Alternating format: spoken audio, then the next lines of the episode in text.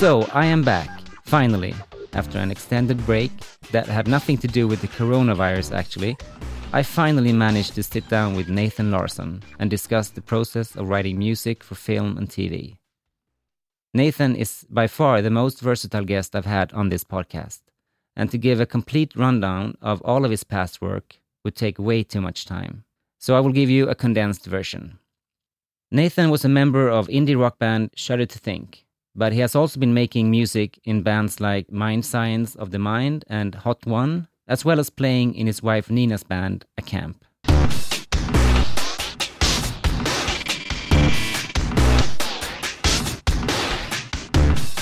But Nathan is perhaps most well known for writing music for film and TV.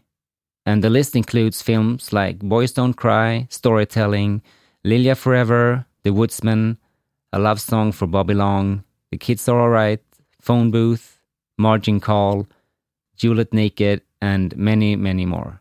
Somehow he has also found the time to host his own podcast, curate music festivals, and to be involved in projects like Lumen Project, while also writing a trilogy of novels, Dewey Decimal, The Nervous System, and The Immune System. He has also been releasing his solo albums and has a great interest in transcendental meditation. As you can understand, I am pretty excited to have been able to get Nathan to take the time to sit down with me to talk me through his creative process. And this is a pretty broad subject, so let's start with a pretty broad question. How did you leap from a band member to scoring films? Yes. Oh, it was really a fluke. Uh, d- what had heter fluke?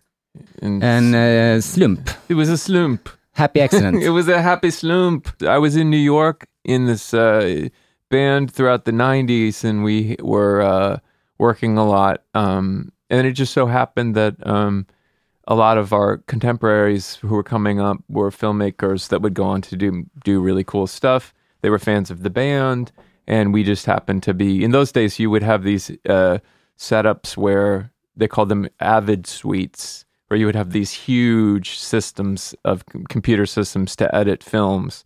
And these days, you can do it on your laptop on the airplane, and it's no problem.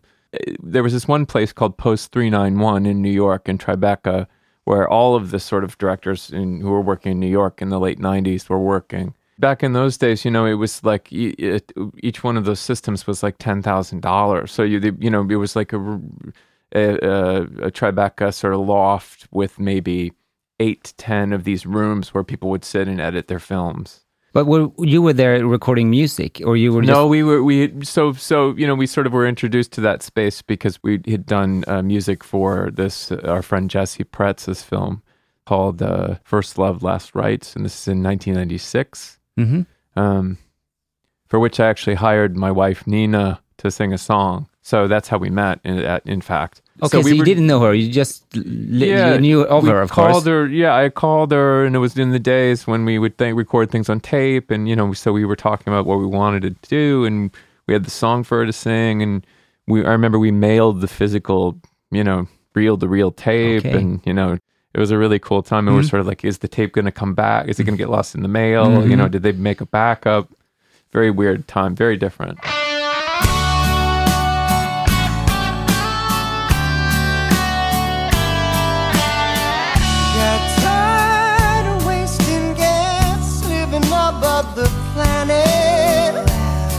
Think one of my big breakout things was uh, I had done a film called uh, Velvet Goldmine with this director Todd Haynes, who is a fantastic, a fantastic director.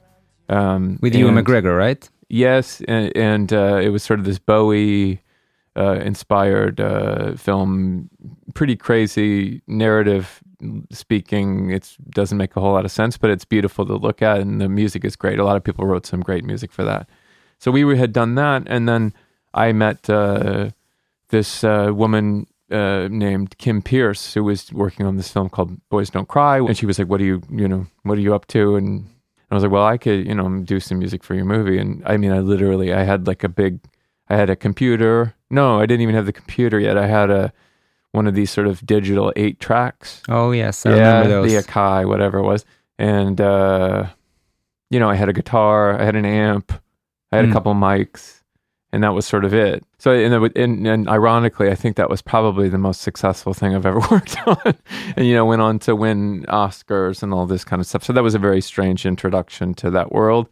Not a very realistic portrait of what the, what the, the, a career in film music is going to be like. Mm. But uh, it was very interesting to see the whole process of working on something that just blows up super huge and then you know sort of hollywood opens its the the golden gates you know to you and then you can enter and you you have a choice to do x and y Mm.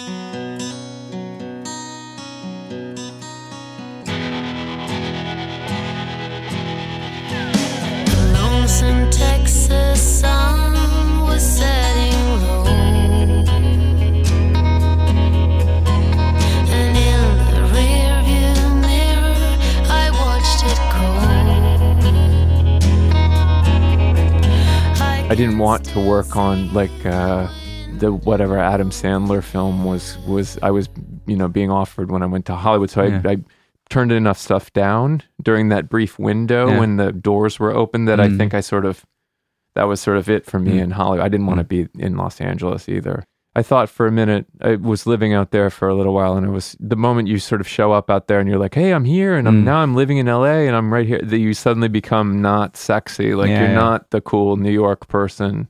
You're either from LA or you're from New York, and if you're from New York, if you're sitting in LA, hmm you, you the person looks cooler, you know. And Kim was the director, right? Yes. She was really into punk as well. And I come from in the 80s, I was in all these hardcore Mm. bands. And so she was very much into some of these hardcore bands that I was in Mm. or adjacent to in Mm. part of this, you know, that scene. Yeah. So th- I think that that was really what led her to do it. And also, I'd never really scored on my own a film. So Okay. I think that was attractive to her. Because uh, I was thinking about the, when when you actually get approached. Is it the, the director who approaches you, or is it the production Yeah. team or producer? It really varies. I think that now that I've been in this industry for for 25 years or and counting, you know, you develop relationships, and then producers or directors will approach you uh, straight away, and you know, sort of bypass Mhm. the middle person. But you know, frequently you'll get a call from a production company that you haven't heard of, and do you want to do this, or you know, and then because it's kind of a small industry, even if it's the states that I'm talking about, you wind up you're like, oh, I actually know this editor who's working on it, and I know Yeah. this person, so it it's sort of a small scene. Um, Okay. yeah. And, and you told me that normally you get approached quite late. Yeah, it really depends. It's uh, I, I just finished this, uh, and unfortunately, Disney Plus has decided to not be in Europe. I have no idea why they're doing that, but it's uh, I just finished this uh, the first seri- uh, season uh, of this show called High Fidelity, which is a remake of um, the movie, Yeah. but with the sort of a gender and racial flip around with Zoe Kravitz Mhm. starring as the nerd who owns the record store, and uh, her mom was the love interest in the original movie, which is funny. It's a great, it's a fun little show, and you know, I had to write a lot of the music to be performed by these sort of, you know, there was sort of like this Jeff Buckley type band, and then there was this sort of like, uh, like Jagwar Ma or like some sort of hipster Brooklyny, um, and that would all have to be performed on screen. So you know, you have to do it beforehand hmm and have it ready, and then be on set and kind of coach the actor, and you know. Oh, yeah, that wouldn't work the other way around. Of no, course. you can't do it the other way. No, no. We've tried. Sounds, yeah, I worked on yeah. a show for for HBO called Vinyl, which was Yeah. not very successful. Um, you you had two Mm. very strong egos at the time. It was Mick Yeah. Jagger and Martin Scorsese, Mm. and so they weren't talking to each other. And when you have that at the top, it's a trickle down. It's like any you know. I remember job. that one because it sounded so good on paper, but it, It didn't did. didn't really turn no, out that it great. did not. But so I wrote a lot of stuff for that, and uh, of course we had to do it beforehand. But then in the end, it wound up being this real mish, just a mess of sort of being like, okay, we got to redo this vocal. Um, the guy just lip sunk to some thing that Okay. you know somebody else sang, and now you got to re-sing it to the. Per- it's so it was a very complicated process. Okay, But I think for the but when you're talking about narrative dramas or other just just uh, films that aren't about music or don't have people playing music in them, yeah, it's sort of this. The music is sort of the last thing people. They're like, oh yeah, oh no, okay, and then they sort of in a panic. I mean, for example, Kim Peirce on Boys Don't Cry had all this like hardcore stuff from my sort of era in the 80s in the movie and it was totally wrong for the movie. It was just that what that was what she was using when she was writing the script and so she was listening to that and then it just didn't make sense that these sort of redneck kids in Nebraska in the you know 90s would be listening to this punk rock Mm. No, It no, just no, wouldn't wouldn't. have been happening. So uh frequently, you know, you yes, you do wind up with something called the temp score, which is quite nice when you have it's usually the editors that place the music in the film Mhm. and then the director frequently if they're musically inclined will have opinions about it, but frequently the editor has a bank of, you know, a hard drive full of music that Yeah. they kind of just slot in for so you find yourself replacing the same piece of score a lot and it's very seasonal like it's sort of for for a long time it was the score for American Beauty with Mhm. the Thomas Yeah, no, with Newman the- score with the with sort of the Exactly. mallet Yeah. score. I had to replace that Yeah. countless times.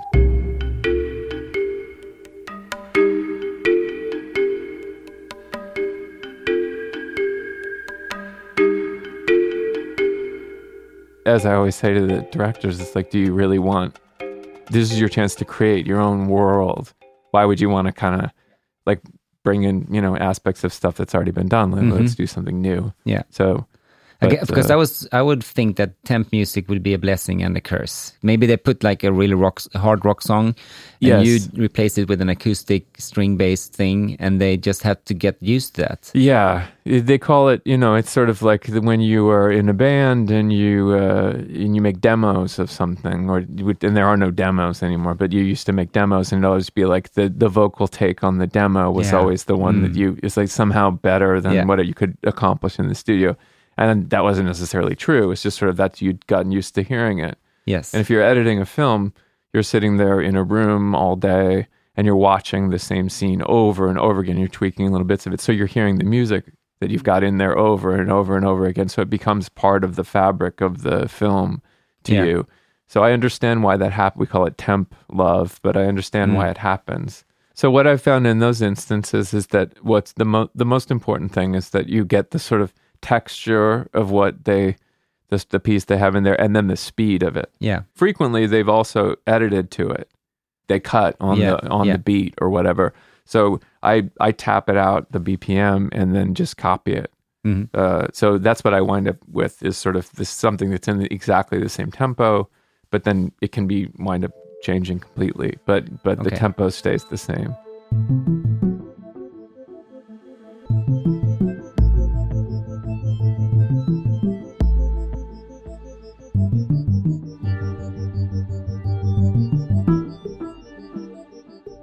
one of the early early parts of the process is when you sit down with the director and the editor and whoever else might be involved uh, and watch the film through and be like okay here's some music here. Uh, why is it there? Why does it start there? What's it supposed to do? What's its function? Where does it need to go out? And then you make sort of a list of that.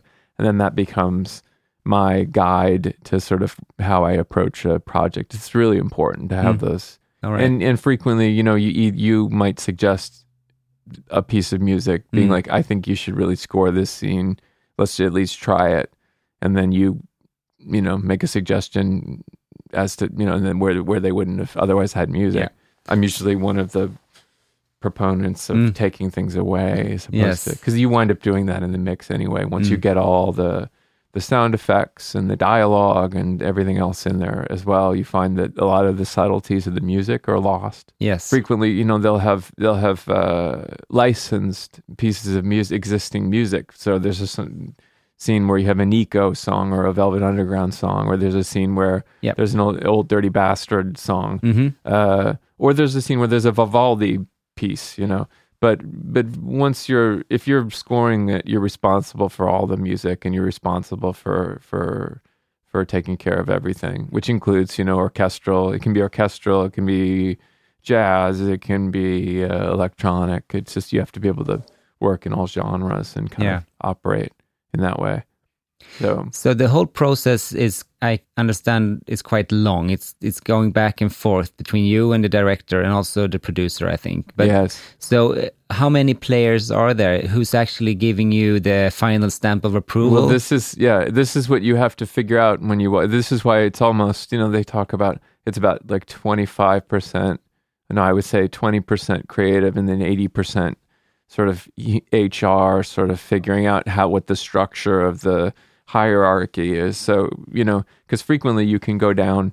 You can spend months going down this sort of one path with the director and feel like you're vibing and be like, this is great and suddenly this person you've never met who's providing all the money for the film swoops in and is like this is garbage redo this redo that or you're fired which is uh, very frequently happening You're a creative person. You make music for yourself. You've been in bands and you've been uh, producing.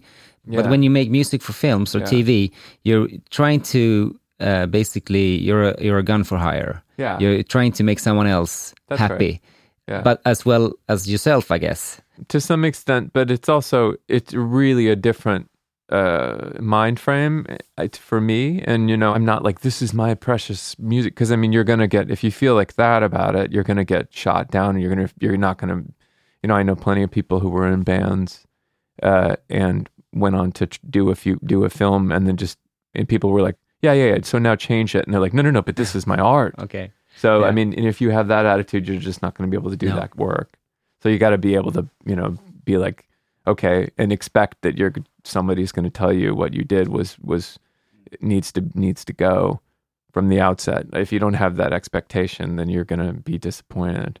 Do you also find that you make music that you wouldn't make uh, if you you were set down to make uh, music for yourself for an album? You would probably be doing something completely different. Yeah. You, you kind of have to be a bit schizophrenic. You know, Yes. you you make music that you wouldn't normally Right. like or even listen to. Or Right. But that also has a fascinating element to it. I mean, if you're interested in being a, you know, a, a, a craftsman person and putting together musical stuff, it's always interesting, even if someone, if it's a genre that you really dislike. Mm. I'm not a huge fan of like techno, for instance, but, you know, if someone expects you to be like, hey, write this for this jazz quartet type thing, Mm. and then you okay, and then you got to figure out what that's all about, and then or do this sort of techno-y Mhm. kind of thing for and then you got to figure out what that's all about as well. So it's sort of it's it's it's great to be able to sort of dig into a genre and be like, what are the elements that make a Yeah. genre a Mhm. genre? What what defines it? Also, you're established now. You you you've done this for quite some time. So when people approach you, I assume that they approach you because they know what you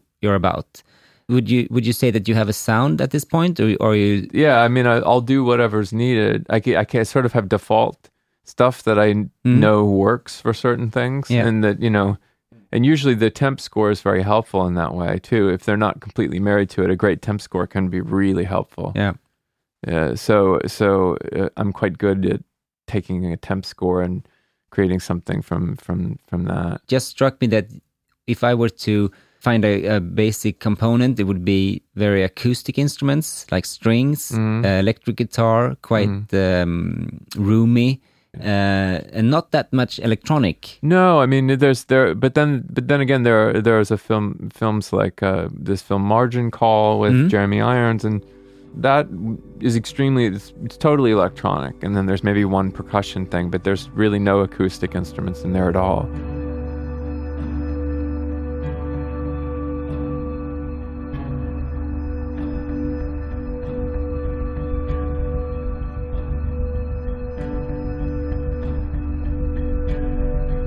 All of this work is designed to sort of just sit in the background and be another aspect of the film, like the lighting and like everything else. hmm And you're not you're supposed to experience the whole thing as one sort of uh, organism. Mm. Yeah. Okay. And electronics are very good at sort of just like smearing sort of a vibe across uh, something. you work know, with the sound designer as well, I guess. In co- Yes. collaborate with him or her. Yes, I really try to get with them early and trade files and sort of be like, and so we're also not stepping on each other, which can frequently happen if you're working and not communicating. Yeah, of course. Be like, you know, they will have done something completely elaborate in this place that you're going to do some piece of score and wipe out what they did, or vice versa. So it's uh, you got to work together.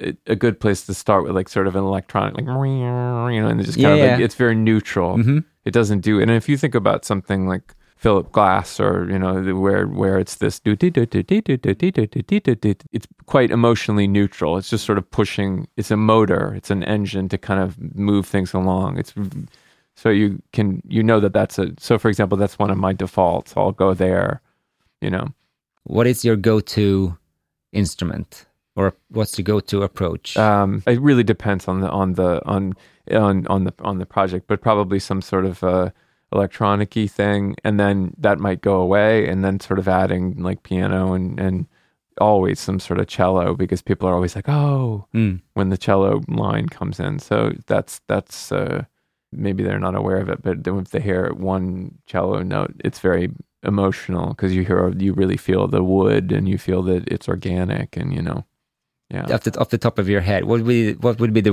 the biggest cliches that you find at the moment when you listen to music and films? Um, Yeah. either just the drone, Yeah. a synth drone, you know, hmm super neutral. I think that that really came about in the '90s when people were like really wanting to rebel against the big Hollywood type of sound. Yeah. Because if you expressed a lot of melodic content, that was seen as sort of like manipulative, hmm if you see what I mean. Yeah. And it was seen as being too much of a trick. Like you're being like, oh, we're really manipulating the. I'd be like, you're supposed to be sad. Here's this sad scene, and then you have the sad sound. It's Yeah, like yeah. giving the people the same information two times. They don't really need that information twice. These cliches, I think, are very useful too because Mm. you can you can start there, Yeah. and then you can kind of mm, tweak them. Mm, of course. That's one of the sad things that has happened to to sort of independent film scoring is that you've sort of lost this very thematic impulse to Yeah. do some to have a theme that kind of comes back like Mm, a really you know a Mm. simple theme. I think that's really important. Do you start with okay? I'm going to find the melodic content, the chords, Mm. and the theme, and then I worry about the instrumentation and the production afterwards. No, I usually I it's the opposite, but but hopefully along the way you come up with the melodic content. But you know, I the texture of it I think is more important initially. hmm You just need to uh, I call it you know you get over the the hump or whatever with the pe- with the directors and or the money people or whoever you need you're needing to to please. Um, but you need to make them comfortable that you're going to be able to do it, and then they can be like, okay, all right, this isn't this isn't what we want exactly, but now we see that it's going to work Yeah. in the initial sort of going back and forth, you need to make it work in in the first couple rounds. Otherwise, it, there's a real problem of trust and Yeah. of them being comfortable with your ability to Yes. do it. You start with the scene where you're like, I know I can, I know what to do here, and make people comfortable, and then you might, in the end, wind up having completely changed it. Mm. Um, I, g- I know that in Star Wars, for example, or the, these Yeah. more thematic films, there are also yeah. like different scores for different characters. It's Yes. very rigid how they. yes, So when Star Darth Vader enters, there's this Yeah, theme and Leia's theme, and there's a love theme. And yeah. Do you work in those uh, s- s- No. strict? Uh, There, I think I think it's a great. That's a great. Uh, I love that tradition because I think it's it's so kind of ridiculous and fun. but uh, I mean, I've done that for kids stuff. And Star Wars is a kids movie. It is a kids movie. Have you ever seen the? There's a version on YouTube you can see without the score, and it's Yes, hilarious. I know, I It's saw un- But but I mean, even you know, George Lucas said my mu- my movie it's like garbage without the score music. It just doesn't work. It No, it sits there flat. It- It's just like a f- n- p- fucking you know old Yeah. pancake. Mm. So if there's a character, you know, you, that you really want to accent, there can be a certain kind of sound or just sort of one note of a of an instrument that you don't hear otherwise, and that sort of can be enough to be the thing. But it's usually you don't you're not allowed the flexibility. You can't you can't get too complicated. But what I found is that you really more than that, it's much more important to have a theme for the the general the whole film And I'm thinking it's when the music is there, but you don't think about it, but you still notice it when it goes away. Yeah, that that's must what be you wanna- the sweet spot, right? That's the goal. Yeah. Is to just be sort of invisible Mhm. and be sort of hanging out and not be distracting. I think if you're distracting or if you get noticed for the wrong reasons, then you've not done a great job. How important do you think it is that your music is able to stand on its own? Or- It's not at No, all important. No, that's not something you No, think not in the least. Unless they're songs, as I, you know, Mhm. in in that instance, you kind of have to have them be able to hold up, you know, on their Yeah. own. Because there's long. I mean, you got to do three minutes of like just sort of a, a drone. Sometimes you do. So Mhm, it's you know, mhm. and you don't want to. You don't want to. If it's the right thing for the film, you can't. That's that's that's the primary uh, goal. What's the hardest scene to to score? Would you say, like when in- people in are inside of a of a room and there's some sort of tension or they need to do I don't like sc- the moment you bring in music when the, when you're inside a house and Mhm. there's people talking it to me it seems fake and it, and and it immediately calls attention to Mhm. itself but when you're for some reason when you're outside and there's a larger sort of space that people are in or they're in you know there's the sky it would be it makes sense that you are scoring this this the, their sort of movements but for some reason if people are just having a, con- a tense conversation Mhm.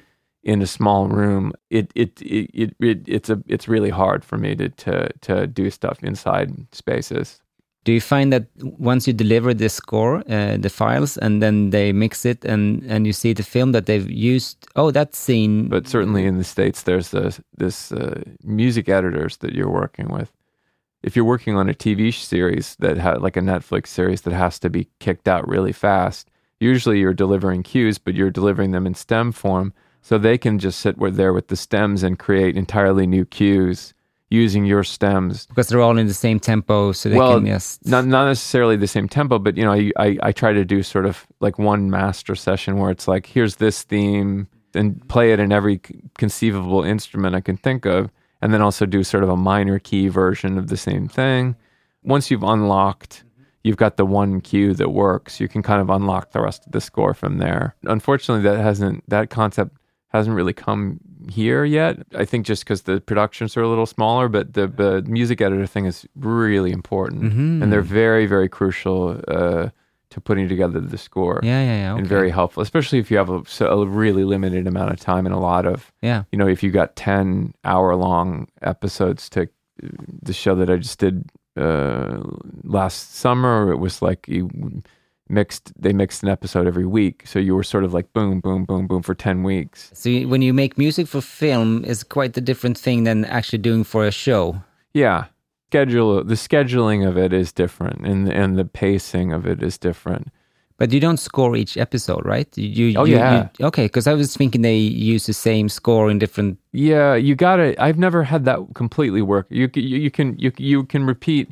I usually take the stems and the and then kind of pop them in in in in as a base as sort of a base to start the score Okay. for each episode. But I really you really have to do specific stuff and hit certain you know things. Sounds like a lot of work with TV in a way because it's more Yeah. less time and a lot of more work. Yeah, but since it happens so fast, there's less room for people to be like, "Oh, I don't know," you know. And, and if it's it's also not like the directors like this is my movie, and then so Mm, that you know mm, you, they, yeah, okay. they can that can stretch out for months and months and months of them being like, "I don't know," like let's right here, let's have it be something, and, you know, and you're on version, you know, thirty of a particular cue. If something works, people are like, "Yeah, yeah, okay, great, next," you know. So it's that's that's really nice. A There's no time to be anxious. No. way. Okay. And uh, as you told me earlier, sometimes you just deliver music and they find someone else, or they use some of it and they use none of it, or all of it. yeah you, i mean it's very it's a very uh precarious job because you wind up people can just decide like ah you know no Do you get paid them. anyways? yeah you still get paid but i've been the person who's replacing someone course. and other people have replaced me and that's hap- that's sort of, sort of part of the game Yeah. um that's very common sometimes you're the windshield. sometimes Yeah. you're the bug. exactly exactly So, do you ever reuse old themes or music that you've been like you've been scrapped from one I've project? never had that work no No.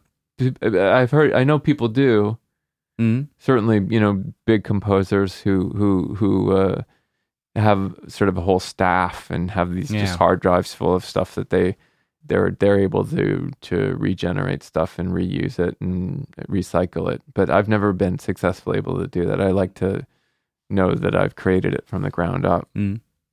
So, do you ever visit the set or get a chance to yeah if it's the type of thing where where especially if i'm having to do uh, songs. So for instance on the show girls you know on hbo i was doing these really cheesy songs they're supposed to be really shitty songs where this this one of the characters had sort of a coffee house uh, yeah, yeah, they have this duo they have. so that was me and and and and Lena Dunham who would write sort of she would write the lyrics and be and we would make it like almost good but then just shitty. Yes, I remember because I, re- I remember thinking the songs are not too bad, are no, they? they start out they like and I and I really made an effort to be like it's to be like if you were in the coffee house Yeah. or whatever you would be like you know that's kind of that's Mm, all right but then it got by the time it got to the chorus you'd be like oh fuck this this is terrible Yeah, yeah, or whatever exactly. and it's usually in the lyrics Mm, yeah. I'll catch you when you're falling. Find me when I'm low. Woo! Go Marn! I'm being really supportive. You are. You're such a good friend. So they don't have to know. I've turning reckless, spinning out of control. And I can learn to bear it if you let me call you home. you know, make she it a- took guitar lessons, okay. and then I had to sit there with her and, and be like, "Here's this is it's a C chord, so Mm. we didn't want to. I also don't want it to look like shit. Yeah. Yeah, those who can tell Mm. would tell, and Mm. then that's I don't I don't No, want to no. be responsible for that.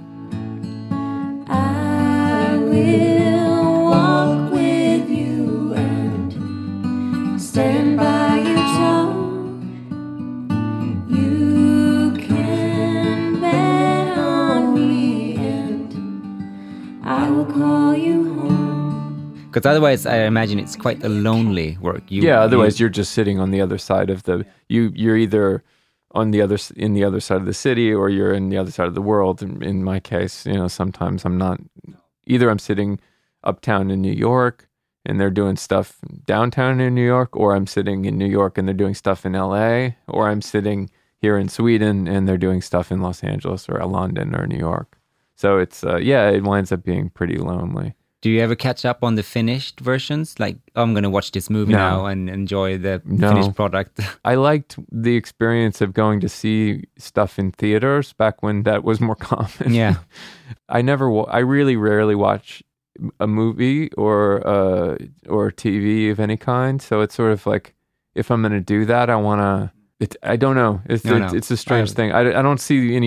You know, I don't. I don't really want to know. But I guess at some point you, there is a film that you really want to see. Do you find it hard to watch a movie without overthinking the, the music in it?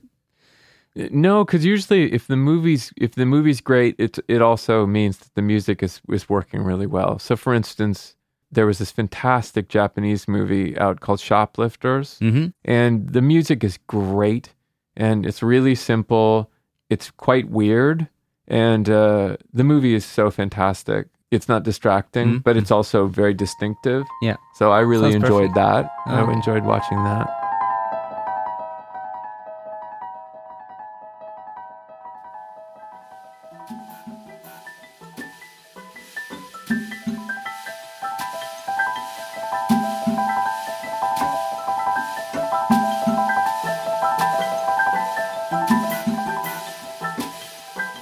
Parasite is another example where the mm. score is just sort of does what it needs to do, and it's still it just is supportive of a Mm. really excellent film. Yeah, I love the film. I don't remember exactly anything about the score, But that's exactly right because Yeah, the score yeah. was very sparse, and it, Mm. it it it hit what it needed to hit, and it Yeah. got scary when it needed to get scary. So I really enjoy watching Jordan Peele's stuff like Us or yeah, Get Out or.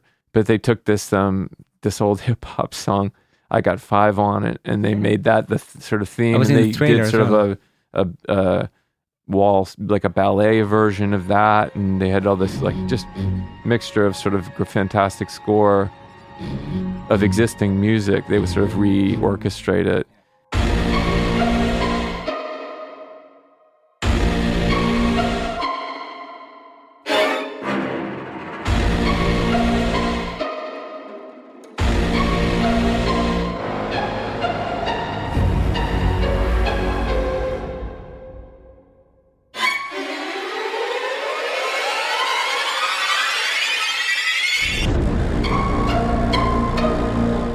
There there are there are exceptions where the music is just extraordinary and makes these extraordinary films pop that much more.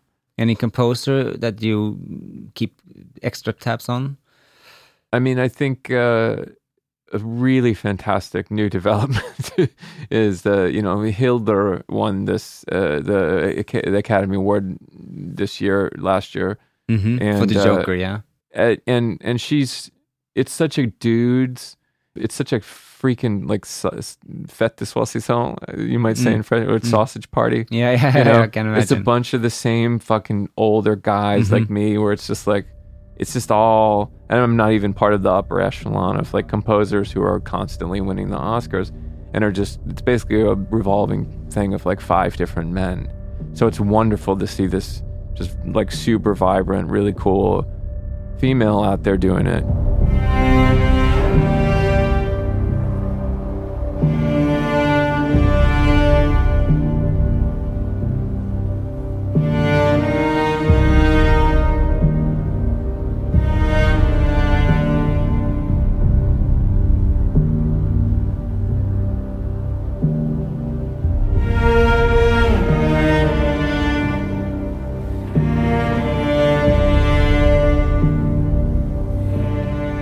she's not the only i mean Mica Levi who did this uh uh uh, Under the called Skin, Under right? the Skin, yeah, which Yeah. was also another score piece that they used for temp in everything Uh-huh. like horror related for Yeah, a long yeah. time. So Yeah. dun, dun, dun, dun, and then Mm, this sort of mm, this sort of you know string Yeah. sample, really choppy string Mm. sample that yeah, but I had to replace that many times.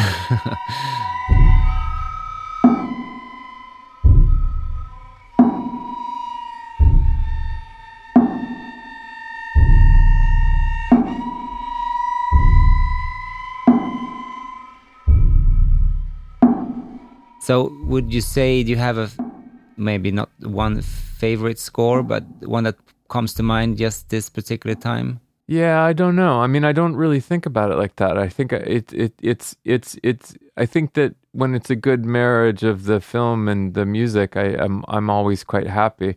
There's kind of an obscure. Uh, it was called the "Show Me a Hero," which is not a great name, but it was the guy uh, uh, David Simon who did The Wire, Mm-hmm. and it was a show uh, that he did that I worked on that I think was really a fantastic Mm. piece of work. So you can find that on HBO. Show Me a Hero. It's just an excellent drama. It's very wonky about sort of politics in like you know uh, just north of New York it, about public housing. It sounds like it's you know super boring, but it's actually really quite beautifully done. I think that I think that wound up being a really nice mix of stuff. Hi, how you doing? I'm Nick Wasicsko, running for No, mayor. not now, Sure, you thanks. can take that pamphlet with you. Look at it at home. No thanks. Yeah, ma'am. Hey, dude, can I help you with your items? Yeah, your store items here. Okay. Looks like in your hand. Thank you. How you doing? I'm Nick Wasicsko. And I, th- I really enjoyed doing this movie, Margin Call. I just created all these beds out of sort of grinding organic things and then kind of slowed everything down and did a lot of stuff on cassettes and re recorded it. And it was really pretty experimental for me.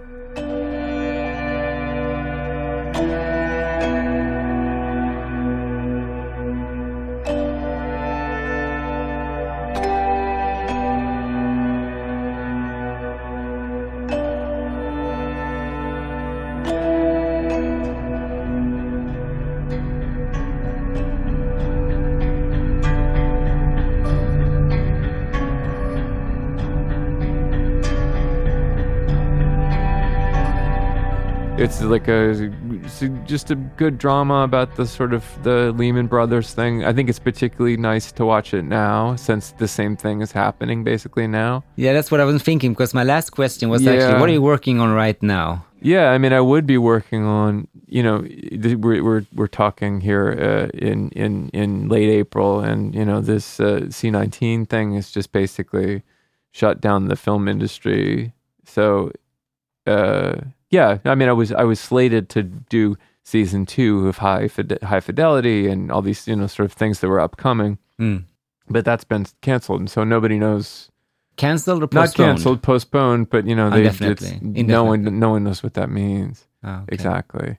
So what are your plans? Are you going to go back to making? I don't know, I, but it's a good time for all of us to sort of you know reconsider what we're doing and, and look at it. And do I need to get this thirty fifth guitar? Mm. Am I okay with thirty four guitars? mm. Yeah, Would I be okay with two guitars? Yeah. Do I need to uh, really have this microphone? Do I need this piece of software? There's a concept in the Vedic uh, literature, which is sort of part of this meditation thing that I do, Yeah.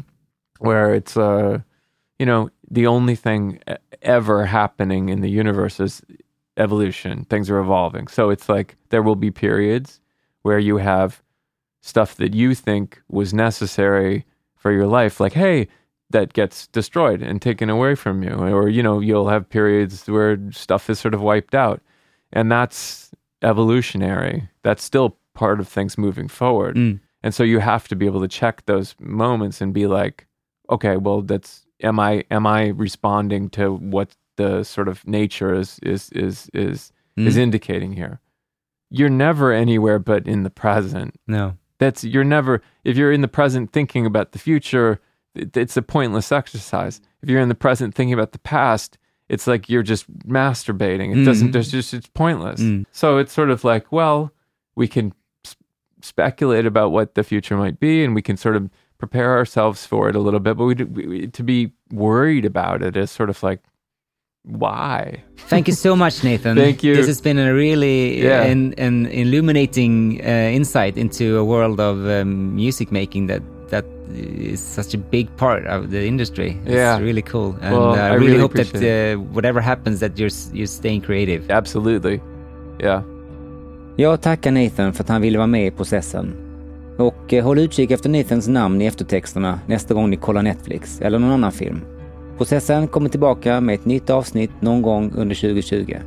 Så har jag inte lovat för mycket eller för lite. Vi hörs!